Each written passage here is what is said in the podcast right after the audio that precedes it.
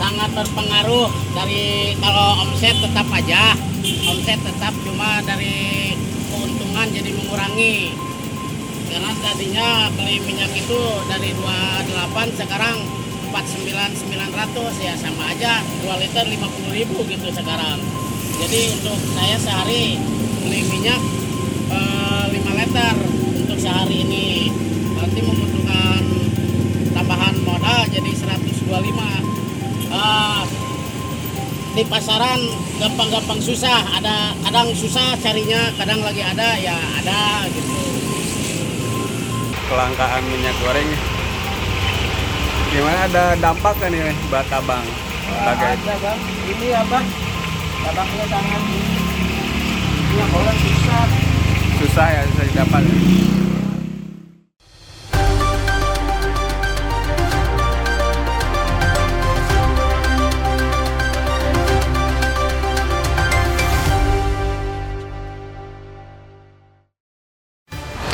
Kelangkaan dan tingginya harga minyak goreng menjadi permasalahan yang dihadapi oleh masyarakat Indonesia saat ini, termasuk juga di Purwakarta.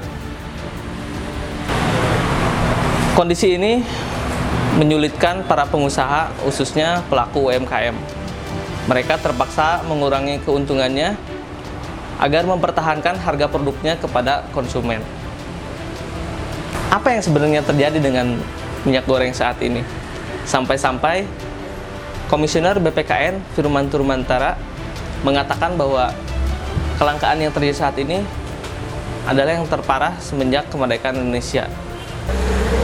Nah, pada saat ini saya Hilmi Abdul Halim akan mengajak Anda berbincang dengan Kepala Bidang Perdagangan di Dinas Koperasi UKM Perdagangan dan Perindustrian Kabupaten Purwakarta, Ibu Wita Gustrianita. Selamat pagi, Bu. Eh, selamat pagi Om. Apa kabar? Alhamdulillah. Assalamualaikum. Ibu, maaf mengganggu ya waktunya. Ya, nggak apa-apa. Ya. Eh, jadi gini, Bu. Eh, Ibu eh, berbicara soal minyak goreng. Ya. Sebenarnya eh, apa sih, Bu, yang menjadi penyebab kelangkaan di eh, Indonesia dan Purwakarta ini? Ah, ya minyak goreng ini alhamdulillah ya sudah berjalan dua bulan. Kita lebih sering membahas minyak goreng.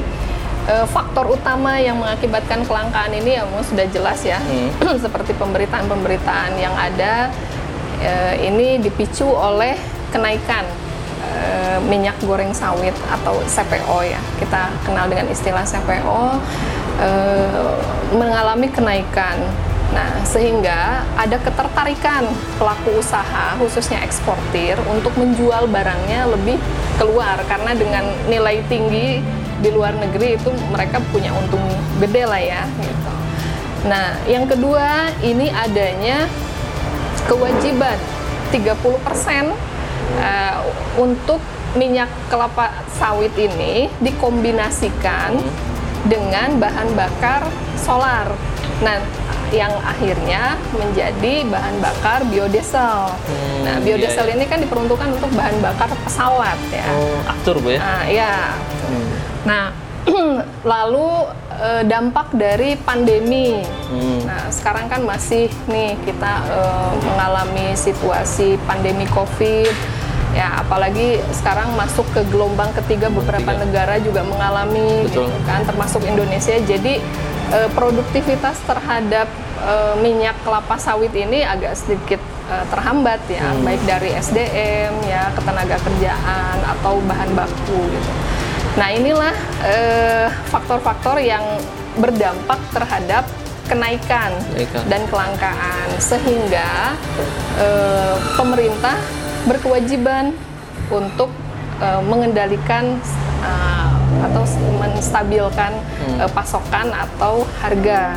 Sebentar Bu, Eh, tapi untuk eh, apa ketersediaan atau supply di masyarakat sebenarnya mencukupi nggak sih Bu? Kalau melihat data terakhir per 8 Maret kemarin ya, eh, kita eh, mengalami sebenarnya produsen sudah memproduksi eh, eh, minyak kelapa ini melebihi target Hmm. eh, reguler. Artinya mencukupi, Bu, Artinya, ya? ya kalau dari data memang mencukupi. Mencukupi. Malah untuk Jawa Barat sendiri ini adalah eh, surplus Hmm. gitu. Tapi ya kita juga harus mengawal rantaian dis- distribusi ini supaya sampai tepat sasaran ke masyarakat gitu. Nah, Jadi sebenarnya apa Bu yang menyebabkan kelangkaan di masyarakat gitu ya? Tadi kalau Ibu bilang itu di, di hulu berarti Bu ya? Mhm. Di hulu seperti itu. Tapi eh, walaupun seperti itu produksi apa namanya ada pembagian dan lain-lain Mhm. tetap surplus kan tadi kata Ibu. Tapi kenapa di masyarakat, di pasar-pasar, di retail itu masih ada kelangkaan Bu? Ya, eh, ini memang bagian dari proses distribusi ya, Hmm. karena memang eh, banyaknya permintaan Eh, demand terhadap minyak ini gitu sehingga eh, tidak mengimbangi awalnya tidak tidak mengimbangi antara supply dengan demand Hmm. sehingga eh, sekarang fokusnya ke eh, faktor produksi saja dulu gitu. Hmm, Nah, ya. eh, makanya dari sini eh, pemerintah pusat khususnya mengeluarkan kebijakan-kebijakan yang pada saat ini adalah DMO (Domestic Market Obligation) yang artinya pemenuhan kewajiban eh, minyak goreng di dalam negeri. Gitu. Jadi produsen eh, dan eksportir itu harus berkewajiban memenuhi kebutuhan dalam negeri dulu. Nah, sehingga ada persentase 20% eh, dari eh, barang yang akan diekspor itu harus disalurkan ke dalam negeri eh, di dalam negeri. Nah, up- eh, kenapa sekarang masih langka Masih gitu langka, ya? iya, nah, ini bisa jadi eh, satu eh, dari proses distribusinya belum begitu tertata makanya eh, Pak Menteri khususnya ini eh, protek sekali dengan dasar Undang-Undang Perdagangan nomor 7 tahun 2014 gitu eh, dan eh, Undang-Undang Perlindungan Konsumen nomor 8 tahun 99. Nah, ini eh, mengkombinasikan antara Undang-Undang Perdagangan pemerintah mewajibkan ketersediaan atau stabilisasi barang pokok penting dalam hal ini minyak goreng. Nah, Undang-Undang nomor 8 ini tentang perlindungan konsumen ini ketika ada pelaku usaha menawarkan eh, barang dan atau jasa tidak sesuai Hmm. dengan harga yang sudah ditentukan, ini udah jelas tindakannya pidana.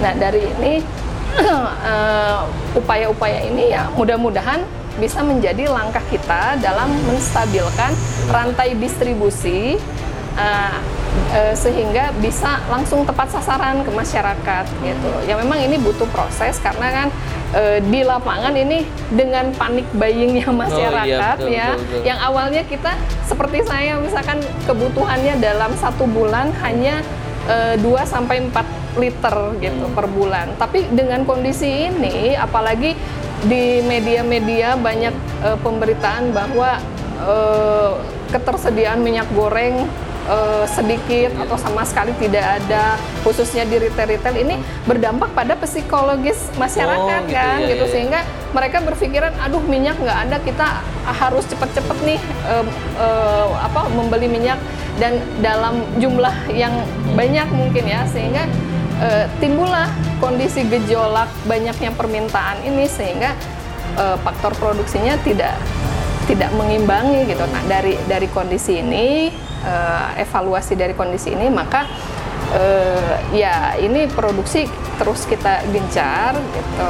Ah, nah si distribusinya ini nih yang harus kita kawal makanya eh, khususnya kami pemerintah daerah eh, selalu intens untuk berkoordinasi, Berkoordinasi. Iya, dengan pemerintah provinsi, dengan pemerintah pusat gitu melaporkan kondisi di daerah gitu. Nah, kalau Purwakarta sendiri sih eh, disebut langka tidak? Karena mungkin asumsi masyarakat eh, menyimpulkan bahwa minyak goreng ini eh, langka karena mereka hanya eh, melihat di oh retail atau toko swalayan ini tidak ada nih minyak goreng atau supermarket minimarket ini tidak ada nih minyak goreng sehingga mereka mengasumsikan bahwa wah langka saya tidak dapat minyak goreng. Padahal kan eh, selain perdagangan on- offline ya eh, kita bisa langsung membeli gitu ke toko tapi sudah banyak menjamur eh, perdagangan secara daring. Gitu secara online. Saya eh, banyak sih menemukan pedagang-pedagang online gitu dengan ya memang sih kalau dari harga masih terhitung eh, di atas HRT ya gitu. Nah eh, ini mungkin salah satu PR kami untuk mengedukasi baik pelaku usaha ataupun konsumen supaya eh, pelaku usaha karena benar-benar ini minyak goreng ini adalah program pemerintah dengan eh, harga yang sudah ditentukan sesuai eh, Permendag eh, 6 2022 bahwa ada tiga jenis minyak curah eh mohon maaf tiga jenis eh, harga untuk eh, Maksudnya tidak bukan satu minyak. harga ya? Enggak, awalnya satu harga yang Oh, satu versi harga. Permendag 3, eh, nomor 3 2022 eh, dengan eh, harga 14.000 per liter. Itu untuk eh, minyak kemasan premium Hmm, ya. iya, iya. Nah, seiring waktu eh, berdasarkan perkembangan kondisi di eh, masyarakat gitu kan dalam eh, stabilisasi dan eh, pengendalian eh, minyak gitu. Ini dipecah lagi menjadi eh, tiga harga untuk eh, jenis-jenis masing-masing jenis-jenis minyak. Yang minyak curah ini harganya 11.500 per liter. Eh, begitu juga minyak kemasan sederhana dengan harga 13.500 per liter dan kemasan premium ini dengan harga 14.000 li- eh, eh, per liter. Nah, ini sudah jelas kan gitu harga eceran tertinggi. Nah, ketika ada pelaku usaha yang menjual di atas harga tersebut, ya karena adanya undang-undang perlindungan konsumen ini, ya eh, Kementerian Perdagangan sudah menginstruksikan kepada kami dan eh, di tataran pusat juga mereka eh, bersama Mabes Polri menggerakkan Satgas Pangan Hmm, untuk iya, mengawal ya gitu. Ketika ada eh, pelanggaran ya sudah jelas apalagi sampai penimbunan Sejauh ya. ini ada nggak Bu ditemukan oleh Satgas eh, Pangan di Purwakarta pelanggaran-pelanggaran seperti itu? Eh, sampai saat ini memang saya belum belum, Belum mendengar ya Belum informasinya dan melihat secara langsung ketika beberapa hari ke belakang kebetulan Bapak Dirjen PDN Oh, iya. sidak langsung ke Purwakarta kita mendatangi eh, dua distributor ini eh, salah satunya distributor yang eh, di Cibatu eh, tidak ada barang tersimpan gitu. Hmm, Jadi yang pas datang langsung ya langsung distribusi Langsung ya. saja, Bu, ya? Hmm, karena eh, dari per- apa pasokannya itu masih versi reguler gitu yang Hmm. yang biasanya misalkan eh, per dua hari sekali mereka dipasok sekitar eh, 5.000 liter misalkan kan gitu itu bisa mencukupi untuk dua hari nah ini dalam dua jam Hmm. Udah habis. sudah habis gitu makanya eh, ini kan ada eh, kondisi yang eh, Tidak tidak biasa ya? tidak biasa ya di masyarakat berarti kan ya otomatis eh, dengan kondisi ini permintaan Hmm. eh, meningkat kan gitu nah eh, itu kalau boleh tahu Bu dari distributor itu ke mana sih alurnya? Apakah masyarakat bisa langsung membelinya atau mereka ke retail atau gimana? Dari distributor, Kalau kalau normalnya ini kan memang rantaian distribusi ini dari produsen, distributor satu, distributor dua, terus ke eh, penyalur dalam hal ini pengecer atau retail pasar tradisional itu pedagang gitu. Tapi kalau dalam kondisi eh, eh, darurat gitu kan, ada peran pemerintah untuk memo- me- eh, memotong rantaian eh, ini supaya bisa cepat tersampaikan kepada masyarakat. Nah, ini adalah salah satu langkah kami memfasilitasi masyarakat ketika benar-benar ini sudah terjadi kelangkaan, kami bisa memfasilitasi melalui operasi pasar. Hmm, Gitu. sudah ada rencana ke sana Bu ya? Kita sudah beberapa kali Sudah beberapa ya, kali melakukan operasi pasar. Berapa yang dibagikan atau dijual jual secara Eh, sebenarnya kita nggak HET atau gimana? nggak menjual seperti pedagang ya karena eh, berdasarkan eh, permintaan juga dari UKM, dari eh, eh, masyarakat yang melalui kecamatan masing-masing gitu. Khususnya di Kecamatan Purwakarta ini sudah banyak kita sudah eh, memfasilitasi sekitar 14.400 liter di masyarakat. Gitu. So, dari kapan sampai kapan tuh bu? Eh, untuk ke depannya kalau memang kondisinya masih belum berubah atau eh, masyarakat masih membutuhkan gitu eh, ya kita fasilitasi untuk eh, asal ada permintaan yang masuk ke kita gitu Berarti eh, bu masyarakat yang ingin apa mendapatkan minyak goreng sebaiknya sekarang seperti apa bu? Kalau eh, normalnya sih mengikuti regulasi yang ada ya, maksudnya eh, kita tidak usah ada operasi pasar murah. Hmm. Eh, biarkanlah mekanisme pasar yang berjalan gitu. Eh, normalnya masyarakat membeli di eh, pasar tradisional atau toko swalayan kan gitu, tanpa harus kita menggelar operasi pasar gitu. Tapi ya karena memang kondisinya masih eh, kurang stabil gitu ya, eh, kita terpaksa memotong mata rantaian ini gitu.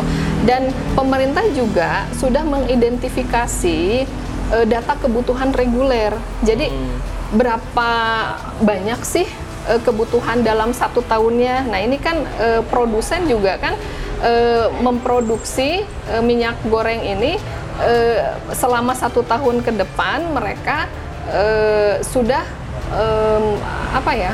Jadi men- mensafetykan Hmm. si minyak goreng ini. Makanya gini, maksudnya Disesuaikan eh, dengan eh, kebutuhan. berarti? kebutuhan. Nah, kan eh, kalau kondisi sekarang ini misalkan kenapa eh, timbul eh, apa ya panik buying ini akan berdampak kepada ber- eh, berkurangnya kuota. Iya betul. Nah, maksudnya gini, eh, sudah menyiapkan nih berapa juta liter nih eh, untuk kebutuhan reguler. Nah, kalau masyarakatnya belum bisa diajak bekerja sama dalam tanda kutip masih kondisinya panik buying, ini kan kuotanya akan eh, misalkan selama satu tahun ini dalam enam bulan juga kemungkinan bisa habis kan gitu. Karena yang awalnya ya tadi saya sampaikan saya eh, butuh 4 liter dalam satu bulan tiba-tiba saya membeli eh, sebanyak 10 liter. Nah ini yang sisanya ini kan ini kuota yang sebenarnya untuk ke depannya gitu. betul. Eh, ada nggak sih bu upaya dari pemerintah untuk apa mengantisipasi atau mengurangi panik buying ini karena kan kalau kita mengandalkan masyarakat untuk eh, apa namanya berubah itu Hmm, ya, agak sulit, sulit ya. Tapi bu tahan sebentar kita oh ngopi dulu. iya ada donat ada kopi kopi siap Silakan bu.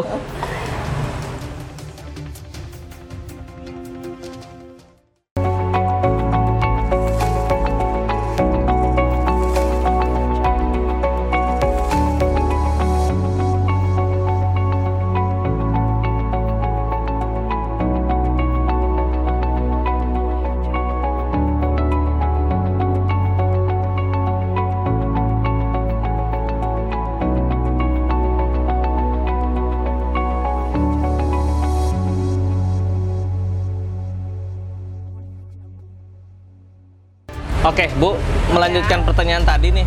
siap a- ada nggak sih upaya dari pemerintah agar eh, kepada masyarakat supaya tidak apa terjadi panik buying? Apakah ada penindakan? ya Kemudian kan ada juga yang eh, berju- men- menjual secara dadakan itu sebenarnya boleh atau enggak? Gitu.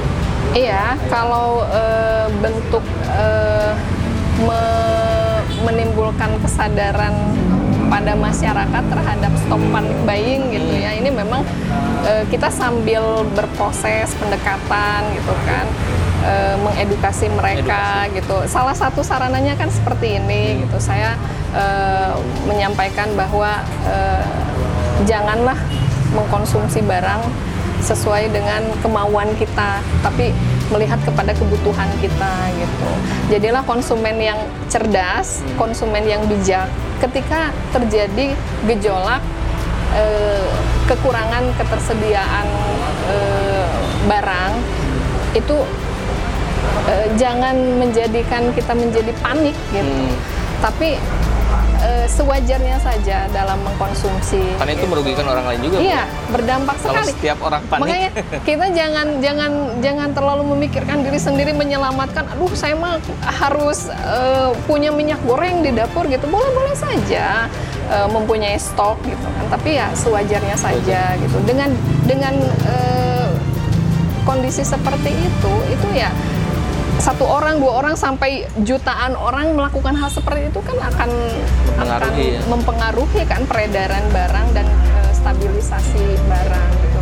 Makanya di sini ya mungkin eh, belum ngeh ya Hmm. masyarakat gitu. Ngehnya barang langka eh, kita harus siap-siap eh, nyetok di rumah gitu tanpa memikirkan dampaknya. Nah, dari sini kita bisa belajar menjadi eh, konsumen yang cerdas bahwa mengkonsumsi barang itu harus sewajarnya lah gitu. Biasa-biasa aja, normal-normal aja gitu. Jangan ada eh, hal-hal yang mempengaruhi bahwa ke depannya, insya Allah hadirnya pemerintah itu untuk menjaga stabilisasi gitu, tidak akan diam. Dan kita juga terus memonitoring gitu kan perkembangan peredaran, pasokan, kebutuhan gitu. Dan eh, terus berkoordinasi dengan pemerintah Pusat. provinsi dengan eh, Kementerian Perdagangan gitu. Kita selalu melaporkan kondisi-kondisi di daerah supaya eh, ada bentuk perhatian juga gitu. Baik Bu, kalau menjelang Ramadan nih, ada nggak sih persiapan dari eh, pemerintah Ya, untuk mengantisipasi kan? siap. Sekarang sebelum Ramadan aja sudah ada Iya. gejolak nih. Ramadan gimana nih? Kadang-kadang orang mungkin berpikirannya ah mau panik buying itu seperti itu kan, mau Ramadan mau apa takut kelangkaan padahal sebenarnya eh, supply atau persediaan masih banyak gitu Iya. kan. Iya. Kalau nggak panik buying. Iya. Apa Bu? Ya, untuk menjelang eh, bulan Ramadan ini memang eh, langkah-langkah dari pemerintah ini salah satunya ini eh, adanya kebijakan domestic market obligation. Artinya pemenuhan kebutuhan eh, di dalam negeri dulu nih. Hmm. produsen wajib. Walaupun dia mau ekspor dan dari dari nilai volume ekspor itu dia harus eh, menyisihkan. Kalau sekarang sudah eh, diberlakukan 30% kalau sebelumnya 20% dari volume barang yang akan diekspor itu wajib diedarkan di dalam negeri. Nah, ini supaya eh, eh, menambah volume eh, barang yang eh, diedarkan di dalam negeri ini eh, langkah langkah eh, pemerintah eh, ya terkait stabilisasi eh, minyak gitu di dalam negeri. Kalau Nah, pemerintah daerah sendiri gimana Bu? Nah, kalau pemerintah daerah kita eh, fungsi monitoring, eh, fungsi pengawasan gitu. Eh, khususnya ke distributor, ke pelaku usaha gitu ya. Ya, ke toko swalayan gitu.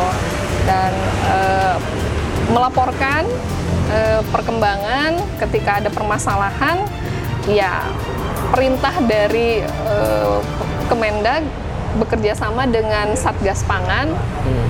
untuk menindak pelaku-pelaku usaha yang melanggar. Bisa dalam arti menimbun, menaikkan harga gitu kan, menawarkan barang sesuai eh, tidak sesuai dengan harga yang sudah ditentukan itu sudah jelas tindak pelanggaran dan Untuk akan pedagang ditindak tegas oleh eh, pihak yang berwenang. Dalam hal ini ya kepolisian gitu Hmm. ya itu eh, ya mudah-mudahan lah eh, dengan adanya program operasi pasar yang kita fasilitasi dengan adanya monitoring pengawasan terhadap distributor-distributor yang eh, masuk di Purwakarta ini eh, bisa mempercepat stabilisasi eh, minyak goreng di Purwakarta. Hmm. Kalau untuk eh, pelaku usaha bu atau UMKM itu ada perhatian khusus nggak sih? Oh ya, eh, kebetulan dinas kami juga kan eh, membina UKM-UKM ya. Eh, mereka eh, sudah tentu sangat berdampak gitu. Eh, IKM yang eh, memproduksi barangnya itu memakai bahan baku minyak goreng, kita identifikasi, eh, kita eh, kasih arahan supaya be- berapa sih kebutuhan mereka. Nah, eh, kalaupun memang mereka sulit untuk mendapatkan minyak, silahkan eh, Oh, bisa ma- ya? silahkan eh, mengajukan permintaan fasilitasi untuk eh, pasokan ke mereka. Tapi dengan catatan tidak untuk diperjualbelikan kembali, iya. gitu. Hanya untuk kebutuhan produksi, Produksi mereka. mereka. Iya. Baik, baik, siap, siap. Ya mudah-mudahan lah eh, bermanfaat gitu Hmm. dengan program kita khususnya bagi UKM dan eh, sampai saat ini sih mereka merasa eh, terbantu juga sih gitu karena eh, bisa lebih mudah mendapatkan minyak goreng. Bu mungkin bisa sambil jalan. Oh baik. Kita eh, mau minta kesimpulannya. Jadi seperti apa Bu Jadi mengenai permasalahan minyak goreng ini? Ah, ya. Jadi kesimpulannya, khususnya untuk masyarakat Purwakarta, tolong kita bekerja sama supaya bisa menjaga kondisi minyak goreng ini dengan cara stop panic buying. Stop panic buying. Jadi, Iya, Eh, persediaan itu sebenarnya mencukupi Bu ya? insya Allah mencukupi. Eh, selama permintaannya juga bisa berimbang dengan eh, supply ya, gitu. Jadi eh, kalau produksi kita di angka 10.000 liter misalkan ya, nah, permintaan lebih dari 10.000 liter karena dampak panik buying ini ya kita tidak akan selesai-selesai gitu. Jadi kembali lagi kepada tadi yang saya sampaikan bahwa jadilah konsumen yang bijak dalam mengkonsumsi e, barang khususnya minyak goreng gitu. Siap. Nah, ya makanya e, konsumsilah sesuai e, Kebutuhan. kebutuhan. Tidak kayak om minum Eh. air itu kan e, dalam volume yang banyak, tapi kan minyak goreng ini dikonsumsi dalam Ya. waktu-waktu tertentu kan hanya untuk memasak saja. Hmm. Gitu. UKM juga kan memproduksi juga e, menggoreng misalkan gitu. Jadi ya tolonglah gitu. Toh e, stok juga ini di retail, di pasar Hmm. rakyat akan kita upayakan supaya bisa mempercepat pasokan. Baik, Gitu. siap, siap. Ya. Terima kasih Siap. atas waktunya Ibu. Ya, sama-sama. Mudah-mudahan eh, bisa bertemu lagi di lain kesempatan Bu ya. Amin ya, mudah-mudahan dengan eh, tema yang berbeda tentunya ya. Iya, Jangan betul, eh, minyak goreng Minyak berarti goreng. kalau minyak goreng lagi berarti nggak belum berhasil Belum ya berhasil. kita. Mudah-mudahan tidak ada lagi Ya, pemerintahan soal mudah-mudahan, mudah-mudahan, minyak goreng karena ya. sudah berhasil diatasi Siap. Bu ya. Doanya saja supaya semua berjalan dengan lancar, masyarakat cerdas dalam menyikapi kondisi ini. Ya intinya tadi tidak panik buying ya. Siap. gitu. Terima kasih banyak Bu. Sama-sama, sama-sama. Sehat selalu, Bu, ya. Amin, amin. Siap. Sama-sama, sehat semuanya. Terima kasih. Ya, demikianlah eh, perbincangan saya dengan Bu Wita mengenai minyak goreng. Eh, intinya kita jangan panik buying, oke? Eh, demikian dari saya untuk program redaksi bertanya jabarnews.com. Saksikan di kanal JMN Channel dan dan jangan lupa eh, di subscribe, like dan komen. Sampai jumpa lagi dengan saya Hilman Bahalim. Undur diri. Dadah.